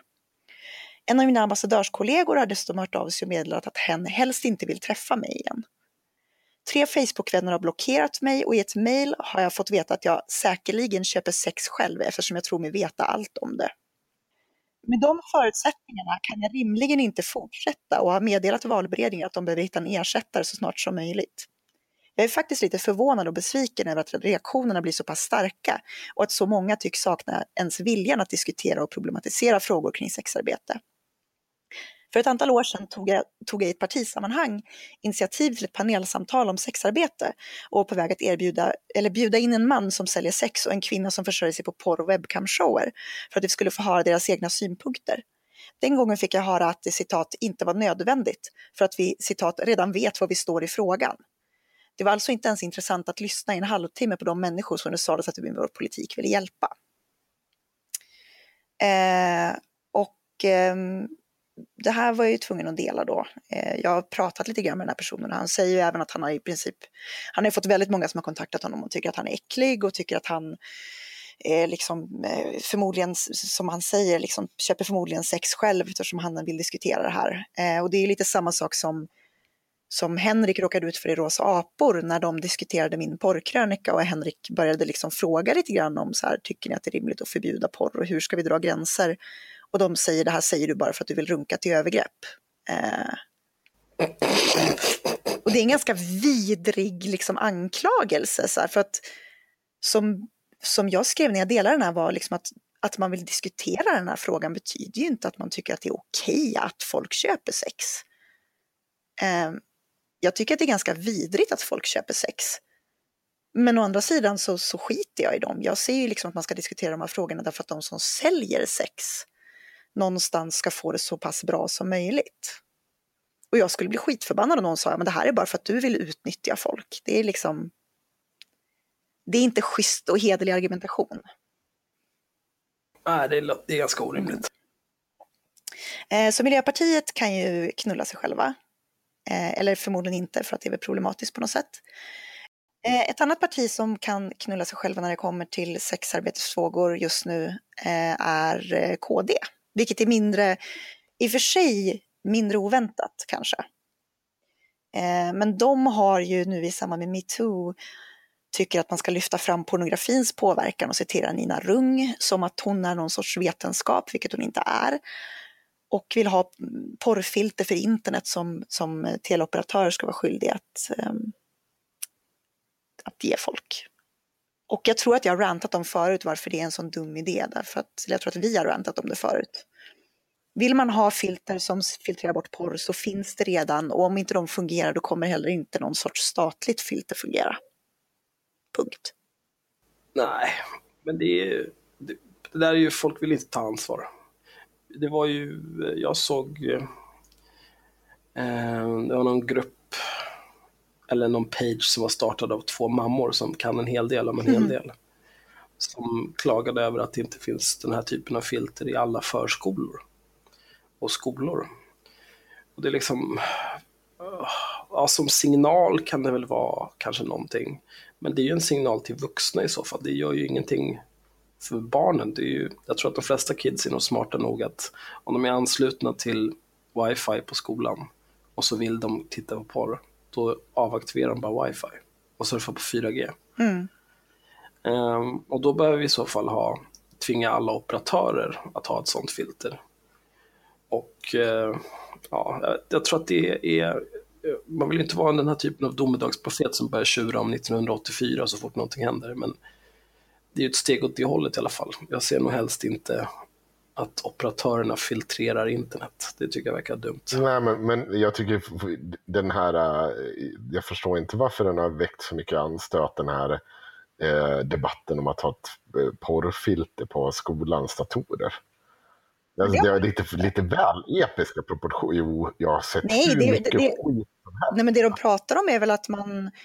Det här är ju liksom det de säger, alltså det de säger är ju eh, i den här, jag ska ta fram den så ska vi läsa punkterna. Eh, för att, att, att, inte, att liksom inte barn ska få se, men det, så var det ju då också, det var ju sidor som var blockade när jag gick i skolan. Så är det ju förmodligen fortfarande. Men då är det så här, då börjar de ju så här superdramatiskt såklart i den här. Det här är alltså Ebba Busch Thor och eh, eh Annika Edlund från Kristdemokraterna. En pojke trycker upp en tioårig flicka mot en vägg och säger att han ska ha sex med henne. Om hon berättar ska hon dö. Rektorn svarar att citat, barn gör så, de håller fast, leker och att citat, tjejer är spännande för pojkar. Oj. Mm. Ehm, och så inleder de alltså det här och det finns ju alltså en, en BRÅ-rapport. Eh, var fjärde flicka i årskurs 9 uppger att hon har utsatts för någon sorts sexualbrott de senaste 12 månaderna. Nu vet jag inte vad de räknar in i, det har jag inte kollat upp, men det kan jag kolla vid tillfälle och prata om. Eh, men alltså, någonstans så är ju mitt problem med det här, för att man, att man simplifierar till, poäng, till punkten när man säger att det här är porrens fel, det här är för att porr finns tillgängligt. Och vi måste, vi måste ta bort porren. Nu har ju KD några till förslag. De har ett att man ska ha mer tid för barnen, utökad rätt till ledighet för vård av barn. Tycker de ska hjälpa mot det här. Uh, fler vuxna i skolan, fler kuratorer och poliser. Det är fine, det är liksom vettigt. Ehm, förändrad lagstiftning mot näthat och nya nätpoliser. Och här börjar det bli lite 1984. Ehm, och jag ska läsa precis vad de skriver för i det här förslaget. Vänta, jag måste skrulla fram det bara här. Ehm, förslaget är så här. En stor del av sexuella trakasserier sker på nätet och bör hanteras på samma sätt som sexuella trakasserier i verkliga livet. Ärekränkningsbrott bör falla under allmänt åtal så att ärendet kan drivas av åklagare. Idag faller hela ansvaret för att driva processen på den som utsatts. Utöver det behövs en enhet hos polisen, en nätpolis som arbetar riktat mot nät nättrakasserier. För det första så är det totalt jävla efterblivet att säga att sexuella trakasserier i verkligheten ska jämställas med sexuella trakasserier online. För att om, någon, om jag sitter ensam i en tunnelbanevagn och någon slänger fram kuken i ansiktet på mig så är det ganska mycket värre än om någon skickar en dickpic på Tinder. Liksom. Mm. Det borde vi kunna enas om. Ja, Eh, Mm. Dessutom så är det så här, det här öppnar ju liksom för ett jävligt konstigt samhälle där vi som skattebetalare får betala för att varenda liten grej på nätet eh, som skulle kunna vara förtal. Nu är det ju så att nu måste ju personerna driva det själv så att om någon skickar en dickpic till mig och jag känner mig sexuellt trakasserad så måste jag driva det här själv. Men om det här ska falla Mm. under någon typ av eh, allmänt åtal, då kommer det ju att vara statens ansvar att driva det här. Mm. Och det är en vi, ganska... nej, men vi kan inte lägga resurser på det, det går inte. Precis, så det här är, det är ett jättedumt förslag. Och sen kommer man då till begränsad tillgång till porr. Eh, I spåren av metoo så behöver även pornografins påverkan lyftas fram. Vilket jag håller med om. Det är klart man ska titta på det, man ska titta på vilken påverkan det faktiskt har till att börja med. Men här nöjer man sig med att referera till Nina Rung som vad jag vet kommer med samma anekdotiska bevisföring varenda gång hon pratar om det här. Och det gör hon även här då hon säger att de killar och män som begår övergrepp har en sak gemensamt, kolon, de har tittat på massor av porr. Det som såg som grov våldsporr tidigare är den vanliga porren idag och den är bara ett knapptryck bort. Här är det ju så. Ja, men det är väl klart att killar och män som begår övergrepp har tittat på porr därför att jag misstänker att de flesta killar och män idag har tittat på porr. Det är som att säga att killar och män som begår övergrepp idag har alla druckit vatten. Så nu måste vi titta på påverkan av vattendrickande på övergrepp. Om man ska komma med det som argument så håller det inte, utan det man behöver göra är ju faktiskt att göra undersökningar på det här. Problemet då ligger i att det finns typ ingen testgrupp, du får ingen motgrupp för att det finns inga grupperingar som inte har tittat på porr. Och det i sig borde ju antyda att det kanske inte är så att porr automatiskt leder till övergrepp, utan det kanske är någonting annat som är problemet. Jag vet inte, jag är inte TF, jag är inte man, jag kan inte sånt här. Jag har aldrig blivit våldtäktsbenägen av att titta på porr, men ni kan ju få rätta mig om ni vill. Mm, nej, det har nog inte jag heller. Nej, inte heller. Men, men det, det, det är inte heller... Det är också en, en, samma typ av anekdotiska bevisföring. Nej, men, min, nej, men alltså det, det, precis, det handlar ju, jag säger ju det här för att belysa hur anekdotiskt det är. Ja, ja. Det är, betydligt Ja, fler då män, det är betydligt fler män som inte begår övergrepp än som begår övergrepp. Det borde vi kunna enas om. Beroende på hur man räknar Mm. övergrepp. Då, liksom. Om man ska gå in på vissa av metoo-historierna så kan ju ett övergrepp vara ett missförstånd eller vad fan som helst. Men skitsamma. De flesta personer, oavsett om de är män eller kvinnor, begår inte övergrepp. Nästan alla personer har någon gång kollat på porr. Alltså blir det väldigt konstigt att dra slutsatsen att bara för att någon har kollat på porr så måste det vara det som har inspirerat dem att begå övergrepp. Mm. Eh, Ja, det går inte. Problemet är väl att Nina Rung som kriminolog som har utrett sexuella övergrepp har ju bara pratat med sådana som har begått övergrepp. Och hon har hittat en gemensam nämnare att alla de här har kollat på porr. Men det är ju inte en, det är inte en, det är inte en, en testgrupp liksom. Nej, men är, är det inte mest en massa pladder om det där? Det, det känns ju som att alla som pratar om och vill förbjuda porr och ska ha porrfilter på det är, det är bara något slags rött skynke de har det här med porr. Mm. För det känns som att, att lagstifta kring det där och kräva olika former av insatser och sådär. Eh, det, det är fel insatser. Du behöver inga porrfilter. Det som behövs är att till exempel när det kommer till barn som tittar på porr, fan, kontrollera dina barns devices. Installera programvara på det som gör att du kan blockera saker, som gör att du kan kontrollera vilka tider de kan använda det. När det kommer till porr och porrtittande överlag, se till att ha sexualupplysning i skolan från högstadiet eller whatever. Och sparkar den jävla kuken till rektor som sitter och säger att nej men det här är helt normalt att man trycker upp en tioårig tjej mot en vägg och säger att man ska knulla henne. Nej, det är inte riktigt okej. det, är, det är verkligen inte något, men det, det handlar ju om att liksom, föräldrarna måste prata med sina barn, skolan måste ta ansvar för sexualupplysning och se till så att ungarna fattar att så här, porr det är inte på riktigt. Och, ha sex med någon annan, det ska vara samförstånd, det ska vara, man måste vara lyhörd, man måste lyssna på varandra, man måste kommunicera och så vidare. Liksom. Men folk är inte intresserade av det för att det är inte en enkel lösning. En enkel lösning, som inte är en lösning, det är att kräva att staten ska lösa det på något vis med någon form av nationellt porrfilter som bara är trams. Det, är ex- Det, det liksom gör ingenting åt grundproblemet. nej, Är inte det här, är inte det här skillnaden mellan så här, vad heter det, kausalitet och korrelation? Pratar här. det som jag pratade om nyss. Eh, Använder jag rätt? Ja, men just det här att hur man drar slutsatsen att ja, men alla har tittat på porr, då är det porr som är problemet. Jo, alltså, jo, men precis, alltså, du, men det är ju det där, du kan inte använda det som ett argument, eh, precis, för att, för att du ska kunna bevisa att det finns en korrelation, då måste du ju ha en testgrupp som inte har tittat på porr att jämföra med.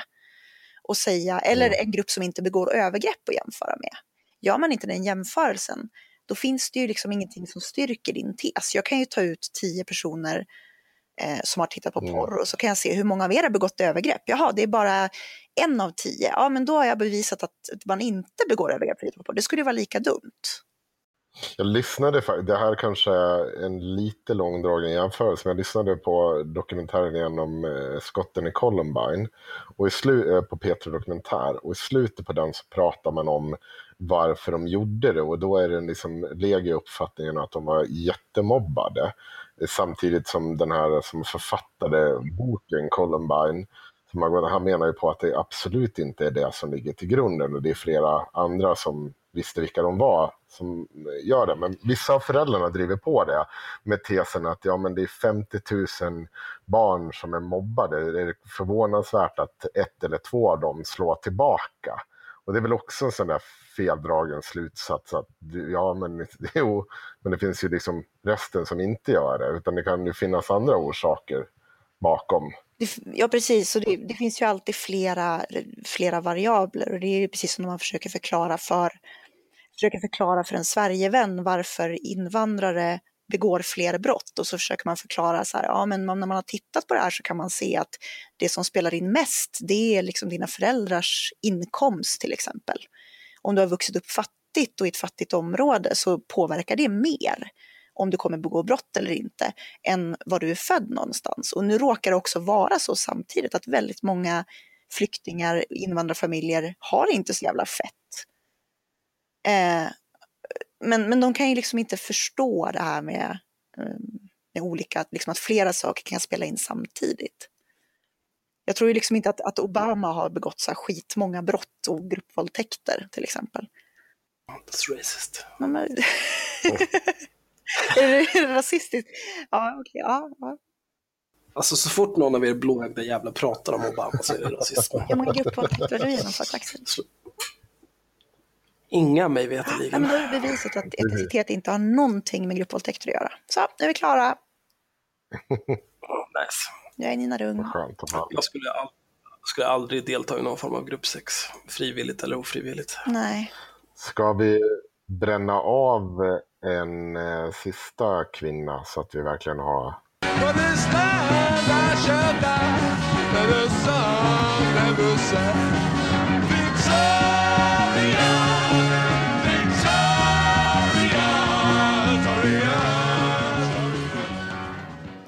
jag tycker att vi har ska varit barn. ordentligt problematisk. Ja, men det var ju precis det jag skulle komma, fast egentligen det var det andra greppet på Bard som vi pratade om inledningsvis. Det har jag hunnit glömma bort. Jaha, ta det igen, jag förträngde. Ja, eh, alla har ju eh, hört om att det har startats en namninsamling för att Bard ska få sparken. Eh, Så det, jag ansåg att det var ganska uttjatat. Alla liberaler som har eh, skrikit att så här kan vi inte hålla på, det är åsiktsförtryck, de har sagt sitt. Och alla eh, vänster som har sagt att det är klart att han ska ha sparken, så här kan man inte säga och samtidigt sitta och vara i tv för då kommer barn bli onda människor när de växer upp, de har fått sagt sitt. Och då tycker jag att det är mer intressant att titta på till exempel hur jag är här hanterar den här typen av eh, eh, alltså de här listorna Och eh, och grejer. Kommer ni ihåg nu vad jag pratar Ja, precis. Ja, men de är väl... Tredje dag, bra. alltså. Så du, måste, väl... du måste lära dig att sprida ut det här, Henrik. Det går inte. Jaha. Alltså vi kan ta, Det- vi kan ta det här nästa, kan vi inte ta metoo nästa vecka så att vi liksom slipper, eller vad säger jag, jag är här nästa vecka, nästa gång. Det har vi ju börjat. Ja, du har börjat. Ja, Det är väl, det är väl lika bra att... okej. Jag tar avstånd. Vi har ju varit på, Jag tar Vi har- avstånd från Henriks Alltså, vi sexism har och en- rasism. vi har en månads uppdämt problematiskt beteende och jag med. Och det tror du att du ska Jag tar avstånd. bara... Jag tar avstånd från Henriks Okej. sexism och rasism. Så nu kan du köra. Jag tar inte avstånd. Jag uppmuntrar det. Ja. Jag kan ju bara säga så här, det som händer i, eh, vad fan hette gruppen? Eh, Sitt ner, för, stå inte upp för Katarina Janosson var det. Så upp. Någon har alltså gjort en reaktionsgrupp på, liksom, där man sitter och, och, och driver med Katarina Janouch. Katarina. Alltså man driver inte så jävla, det ska man ska fan ge dem, man driver inte så jävla mycket med dem. Det får man, det, det, är, det har inte liksom supermycket som står här. Men i alla fall, eh, det som händer är då att ehm, eh, några av dem, med, det var ju alltså max 100 medlemmar i den här gruppen. Eh, Katarina Janouch uppmärksammar den här gruppen och såklart drar på den lilla släggan och menar ju ja, det är som vanligt. Hon har ju blivit trakasserad av de här människorna. Allt är åt helvete nu. Det är skit och allt är jag är härs fel. Som vanligt. Allt är jag är härs fel. Mm. Men av någon outgrundlig anledning så tycker jag är här folket eh, faktiskt inte den rasifierade kvinnan utan den vite mannen att det här var ingen bra idé och den här admingruppen inte heller. Så de går ut och skriver ett inlägg att man får inte vara med i Stå, stå inte upp för Katarina Janouch om man samtidigt är med i Jag är här. Så de börjar ju då kicka folk som är medlem i den här gruppen. Varav en av de här personerna Förlåt, jag ska bara sticka in att principen är väl att du får inte vara med i en grupp som, som på något sätt är en typ av personangrepp eller där det förekommer personangrepp om du samtidigt är med och är här. Tror jag att det är den regeln de lutar sig mot.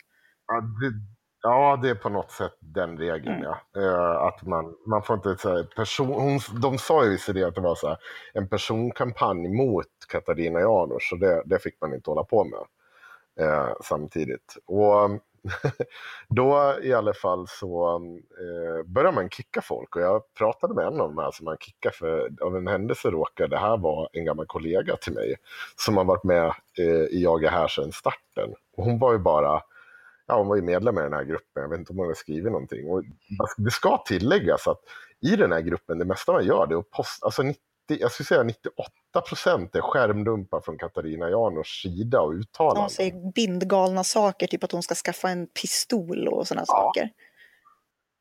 Ja, bland annat det ja. Eh, En post som de tar upp i sin bevisföring då mot den här gruppen det är att eh, någon har postat panikfaktas, en länk från panikfakta där det står Katla visar upp sin nya bostad så det är en bild på Katarina Janouch och en stenbro. Det är ganska dåligt skämt, Det- ja. men det är inte... det är inte direkt supergrej. Så att jag, jag ställer ju frågan då till jag här om eh, hur det kommer sig att de här personerna inte kan vara medlemmar i den här gruppen samtidigt som eh, jag här står upp för den här Danny Lam som driver en Nej, personkampanj mot Jag vet inte om vi ska outa honom med namn. Han är inte offentlig person. Tänk, tänkvärt, tänkvärt. Nej, nej, jo, det är han. Driver, han, har- han driver en kampanj för att sparka Fast han gör inte det i egenskap av Danny Lam. Han gör det under organisationen Tänkvärt. Ja, men det får han stå för. Det får han ta Det ansvar får för. han. Det är jag inget problem med. Det, det, det rampljuset har han satt sig i själv. Så det, Ja, fine. det, det är inte en problem. Ja, i alla fall. Eh, så jag frågade ju om det, eh, hur det gick ihop. Men då menar de då på då att eh, den här gruppen var ju då överjävlig. Så jag, och jag fick ju då se bevisen som hade lagts fram. Och jag kan ju säga att det var inga bevis för någonting. Utan det var ju bara så folk som hade skrivit en syrlig kommentar. Alltså det, jag, jag, sett, jag sa ju det direkt till dem att ja, men om det här är nivån på att man inte får med är här, då kan ni ju börja med att kicka alla som jag gillar IRM. För jag kan säga att vi har skrivit värre saker än det här om både den ena och andra. Men det var inte samma sak, tyckte de. Eh, Och då tycker jag att det är ett jävla hyckleri av er. Det är visst samma sak. Och hur kommer det sig att ni backar att man försöker få Alexander Bard sparkad. Det är väl en personval, en personkampanj om någonting? Nej, det var det heller inte. Nej. Ja, det är konstigt. Precis, och där någonstans eh, drar ju diskussionen iväg och det blir lite dålig stämning och det handlar om att jag är problematisk mot rasifierade kvinnor. Ja, Ja, alltså jag, jag tycker namninsamlingar det är bland det fjantigaste man kan ägna sig åt. Ja, för det första så tycker jag att namninsamlingar samlingar är ganska töntigt. För det andra så tycker jag att eh, jag tycker att hela den här grejen med att man plötsligt ska få folk sparkade och liksom ta ifrån dem deras inkomst, det tycker jag liksom är någonstans jag tycker att det går, det drar liksom samhällsdebatten och samhällsklimatet till ett ganska obehagligt ställe. Jag vet, vi har ju snackat om det här, du och jag Axel, till och från liksom när, när det har gällt grejer i hatklubben. Att det finns någon sorts honor amongst thieves liksom. Till och med där. Fanns det verkligen det förresten? Jag, jag kommer ihåg hur da, eh, vad heter han, Daniel eh, Plockepinn skulle få mig sparkad. Konrad? Ja. Jo, men, men han är ju en snackpåse. Ja. Nej, men jag kan tycka så här om det är privatpersoner, då är det ju väldigt konstigt att så här ringa till någon arbetsgivare och säga titta vad den här personen har skrivit på Facebook. Hur kan du ha honom som anställd? Men däremot så kan jag, är det liksom en, en offentlig person eh, som jobbar på TV4, då tycker inte jag att det är lika konstigt att tycka att de borde sparka den personen från eh, eventuella uppdrag. Men samtidigt så tycker jag att det är astöntigt att ha en namninsamling. Liksom. För liksom, vad spelar det för roll? Att, Att, vem tittar ens på Talang? Vem bryr sig? Låt honom sitta det är där. precis det jag menar, att det, blir en, alltså det handlar om fel sak. Det är en sak om du tittar på ett program och så bara oj, nu sitter Alexander Bard och säger Beatrice Ask är en hora. Eh, det fanns ju en kontext i det här också, ska vi tillägga, att han kallar Beatrice Ask för hora, som faktiskt makes sense, men vi behöver inte ta det kanske. Men Beatrice Ask, och, och nej, liksom, det här vill inte jag se när jag tittar på Talang. Då är det en sak att du liksom framför någon sorts kritik. Men här handlar det ju inte om det. Här handlar ju om att man vill straffa Alexander Bard. Och det är därför jag tycker att det blir jävligt så här, jävligt konstigt. Alltså jag skulle tycka att det var mer intressant om TV4 sparkade Alexander Bard. Jag skulle tycka jag skulle säga mer om TV4 än om något annat. För att jag är säker på att Alexander Bard kan säkert göra ett strålande jobb eh, i, i egenskap av domare i Talang eller Idol eller vad han nu än är. För att liksom, han, han är ju bra på att göra folk upprörda och det drar ju tittarsiffror och det är ju Mm. bra liksom, i, i kontexten. Men eh, det är precis som du säger också, så, så länge ingen heilar i TV, då jag, jag bryr mig inte. det blir väldigt mycket liksom storm i ett vattenglas någonstans. Jag tror att väldigt många av de här människorna, inklusive vi, eh, glömmer ibland att liksom det här som sker på Twitter, det här som sker, så här, fine, det är liksom internet, men majoriteten av alla jävla människor i Sverige struntar i det här. De kommer inte sitta och läsa det där och sen bara, jaha, Alexander Bard har sagt att Beatrice Ask är en hora och sen så sitter han i Talang och liksom får vara med i TV så nu ska jag nog, det skiter ju de i liksom. De har inte ens koll på det här. Vem fan läser Alexander Bards tweet ändå? Nu rantar ju bara massa. Nej, men dessutom, även om han har sagt det, vem fan bryr sig? Ja, jag vet inte. Det, det, det, är, så, det är bara trams. Det han, han skrev ju också någonting häromdagen om eh, han tyckte att Ingrid Carlqvist hade sagt något vettigt om någonting. Hon hade varit inte på blot och det tyckte han var det bästa med hennes, det bästa hon gjorde i sitt arbete. Just det. Ja, för att han, han tyckte att det var bra att hon uh, höll kontakten med de, de fornnordiska traditionerna och sitt ursprung och så vidare. Eh, och det kan man ju diskutera, liksom. Ansgar kom ju hit typ 832, det är ju ett tag sedan. Mm. Kristningen av Sverige började, men uh, whatever. Eh, och, och det har jag egentligen inget problem med. För att det, det skulle vara värre om han hade skrivit så här, ja ah, fy fan Ingrid Carlqvist, fan vad bra att du sitter och förnekar förintelsen. Det är det bästa du kan göra. Jo, alltså han skrev ju om det här också. För nu, alltså nu tror jag, nu är han bara ute efter att citera så många problematiska människor som möjligt och visa stöd för dem för att han har fått kritik för att han stöttade Virtanen och då har han gått liksom full retard. Eh, det är det som har hänt i det här fallet, tror jag. Eh, så nu måste han Ja, det är väl inte omöjligt. Men, men det som jag sa, och det här sa jag skrev till honom på Twitter häromdagen för att han höll på att gnälla om att man, man får inte ens liksom associera sig med någon för då är man automatiskt nazist och bla bla bla. Och då skrev jag att det kan man visst göra. Man kan visst associera sig med folk. Om man samtidigt tar avstånd ifrån de grejer de gör som man inte tycker är bra. Eller att man inte bara plockar idioter från samma del av poolen, vilket han har gjort. För han har även suttit och citerat Peter Sweden som är ett så här nazistiskt jävla eh, Twitter-troll. Eh, som inte ens är från Sverige. Också antisemit och ja, Som är britt eh, med ursprung i Norge. Dessutom så är han inte ens från Sverige. Och då blir det så här, när man, om jag lyfter liksom 50 nazister på Twitter och bara, nej men jag gör bara det här, det blir lite som när man säger att man köper Playboy för artiklarna liksom. Om du fattar? Ja. Men det är också när man, eh, det är en så här onödig grej att göra också. För att är, är, det, är det viktigt, Alexander Bard har ju bra reach mm. liksom. Är det viktigt för honom att berätta att han tycker att det är bra att Ingrid Carlqvist håller kontakt med sitt fornnordiska arv?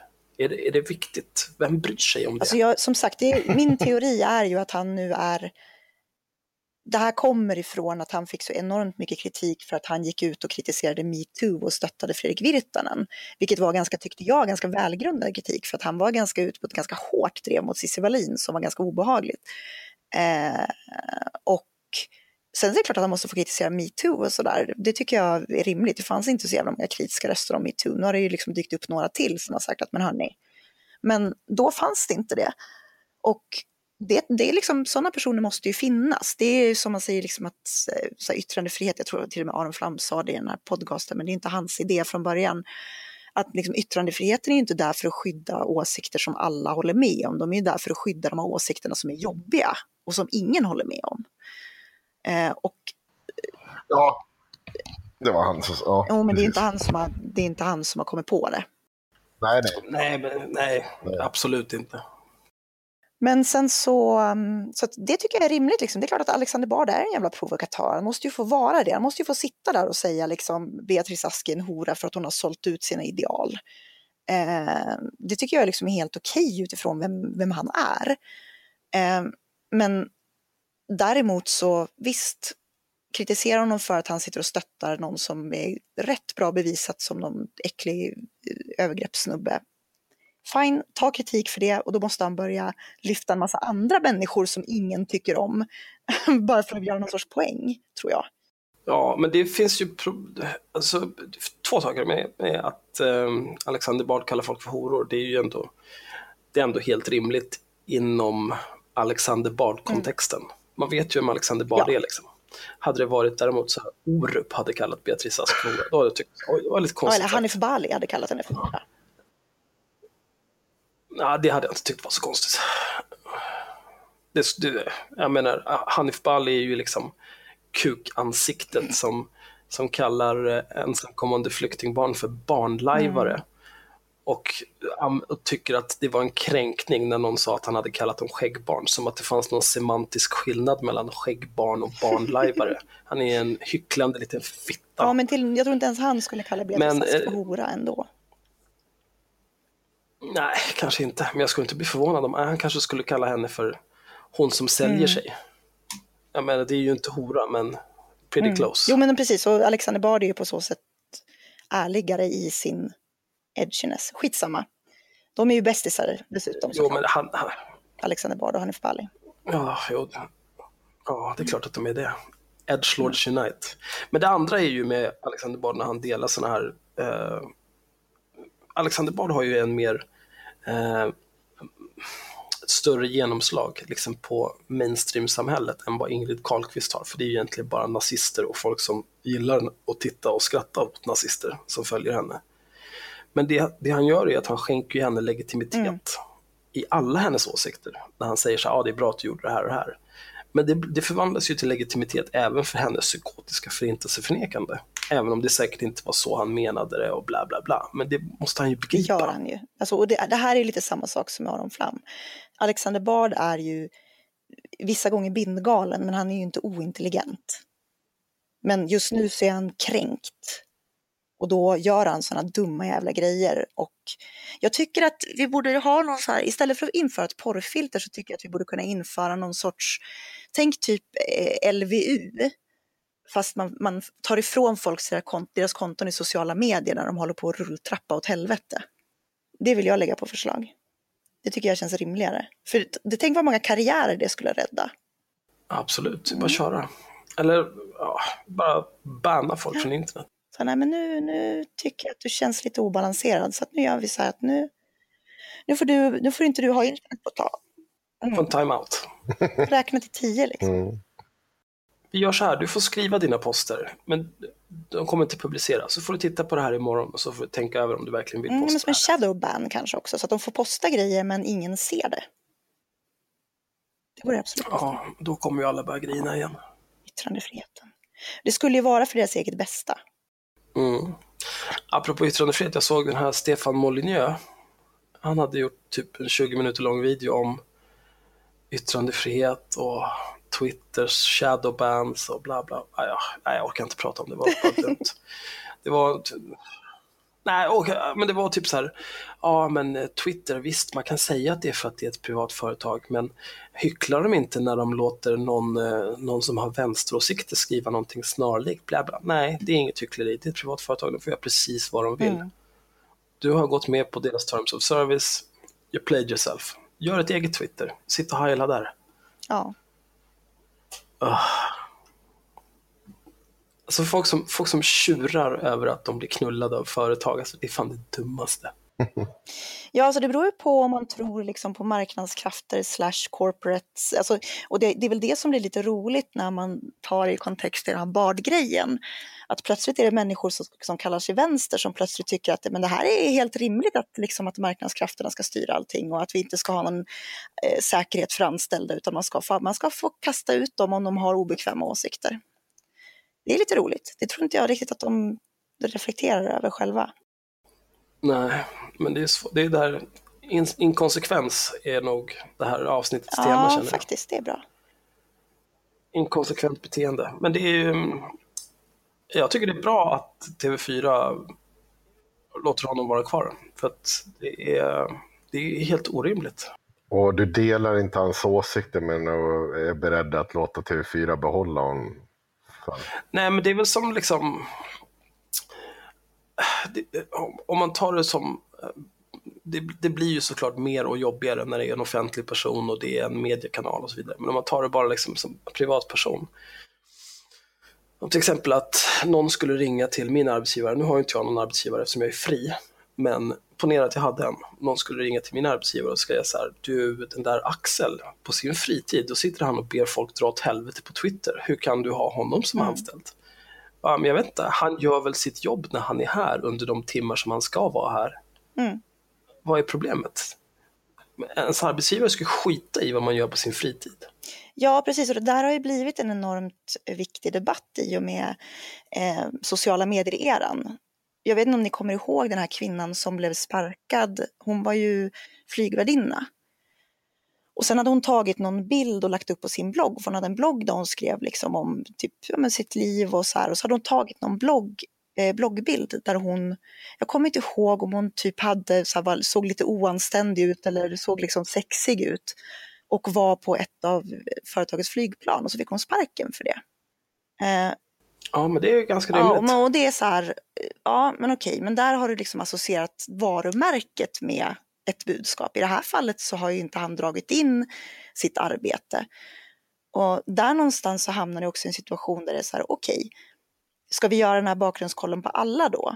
Eh, säg att kan du, ha, kan, du vara, kan du vara läkare och rösta på SD? Ska vi sparka alla läkare som röstar på SD? För att tänk om de får in en muslimsk patient och så kommer de inte ge dem samma behandling. Någonstans så måste man kunna förutsätta att människor i rollen av sitt arbete gör ett jobb som de har blivit åsa, liksom, åtagit sig att göra. Eh, oavsett sina privata åsikter. Annars är vi ute på jävligt hal is.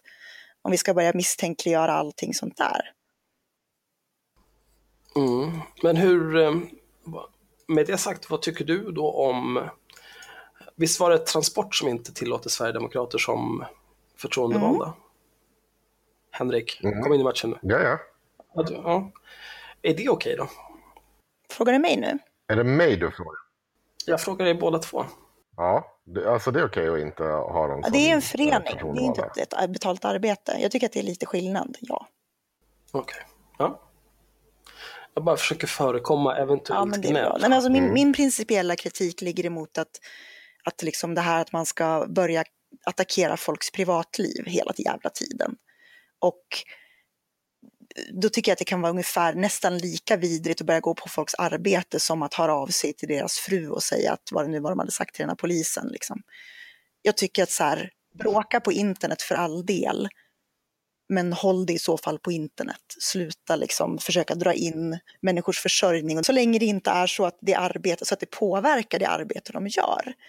Ehm, jag har absolut noll problem med egentligen så här att om, om ehm, eh, dels om, liksom, om Vänsterpartiet tycker att, nu fick jag hjärnsläpp, men ja, hon som vi pratade om, Ja, men om, om de inte tycker att hon representerar deras syn, deras, om hon inte hon för partilinjen så måste de kunna säga nej men nu, nu gör inte du det som, jag, som vi liksom betalar dig för att göra. Så att nu, kickar vi, nu säger vi att vi vill inte. Det är en förening.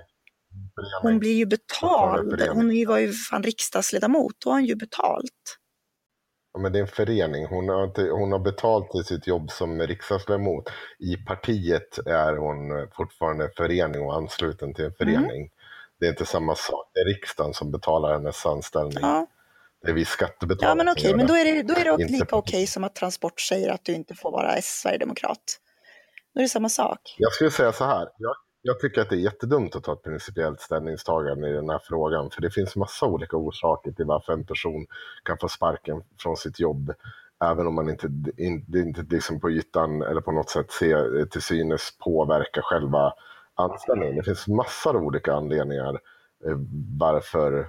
Eh, till exempel en person i privat företag kan ju eh, berätta om eh, missförhållanden som inte nödvändigtvis påverkar anställning, men den kan ju få sparken ändå för att den anses som illojal till företaget. Nu vill jag visserligen göra den typen av lagstiftning mycket hårdare kontrollerad. Jag tycker att du ska kunna prata om saker, men det blir mycket mer subjektivt i, i frågan om privata bolag. Och jag kan tycka att det är väldigt många liberaler som inte har varit så jävla villiga till att göra någonting åt den här formen av lagstiftning som har varit ute och yttrat sig jävligt hårt nu.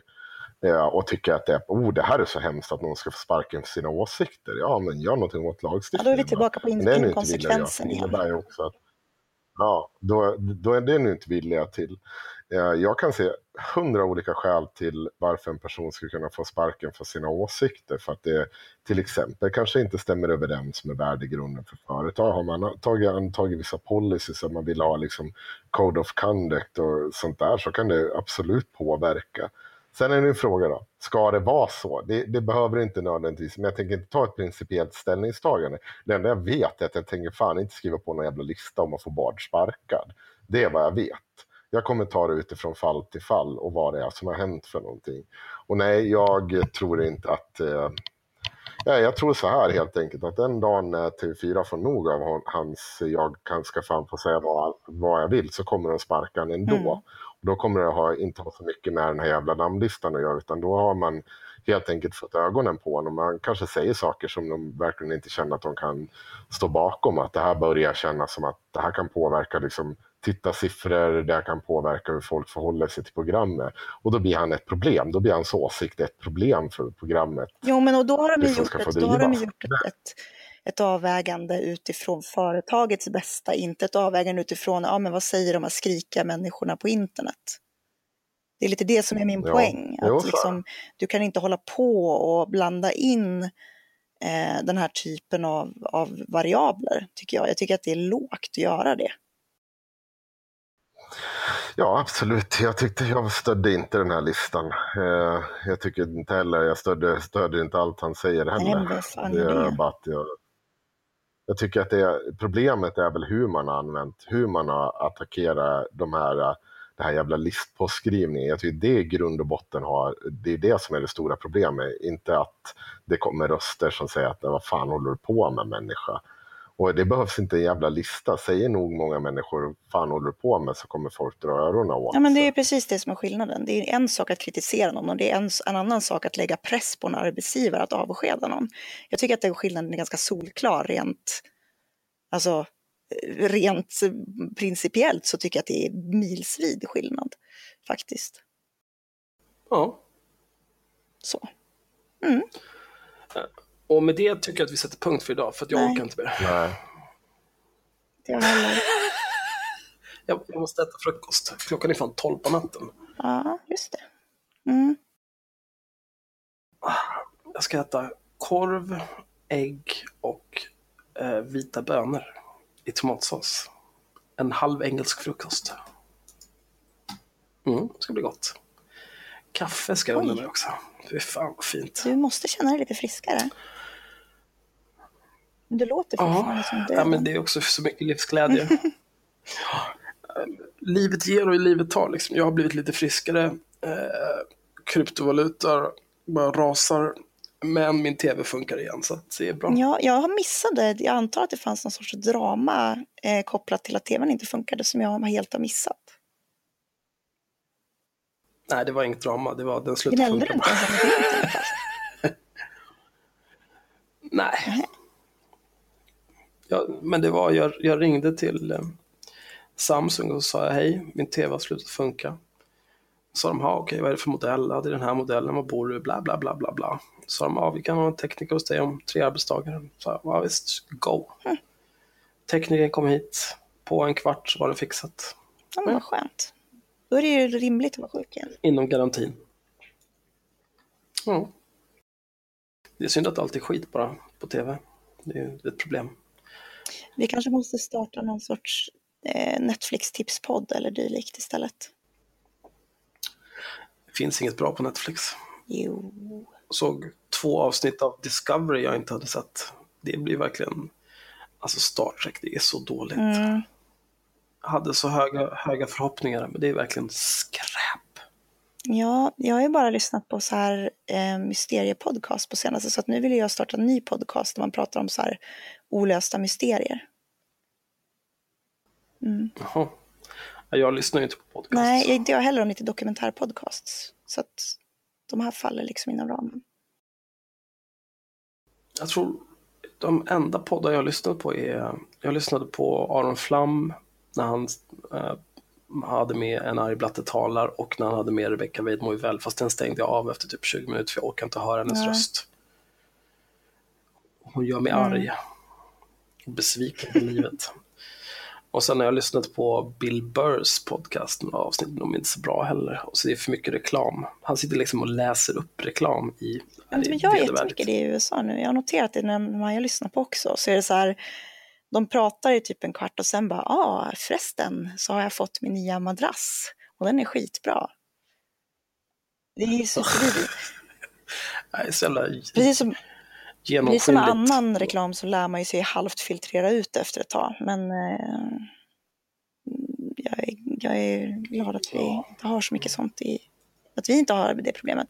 Tänk när vi börjar bli sponsrade liksom. Så måste vi sitta där och bara, ah, Axel, Det kommer aldrig hända. Vill du berätta lite grann om vad du ska äta för någonting? Och så måste du säga att du ska äta Heinz vita bönor liksom. Ja, det är faktiskt eh, ICAs, nej inte ICA, Hemköp, jag garant. Hemköp, hemköp skicka cashen. Så Hemköp, ring mig. Skulle vi inte avsluta det här? Ja, vi ringer. Jag måste, eh, ja för fan, jag måste äta, jag måste göra world quests, allting är skitjobbigt. Ja, gud, nej, jag måste gå och lägga mig. Fan.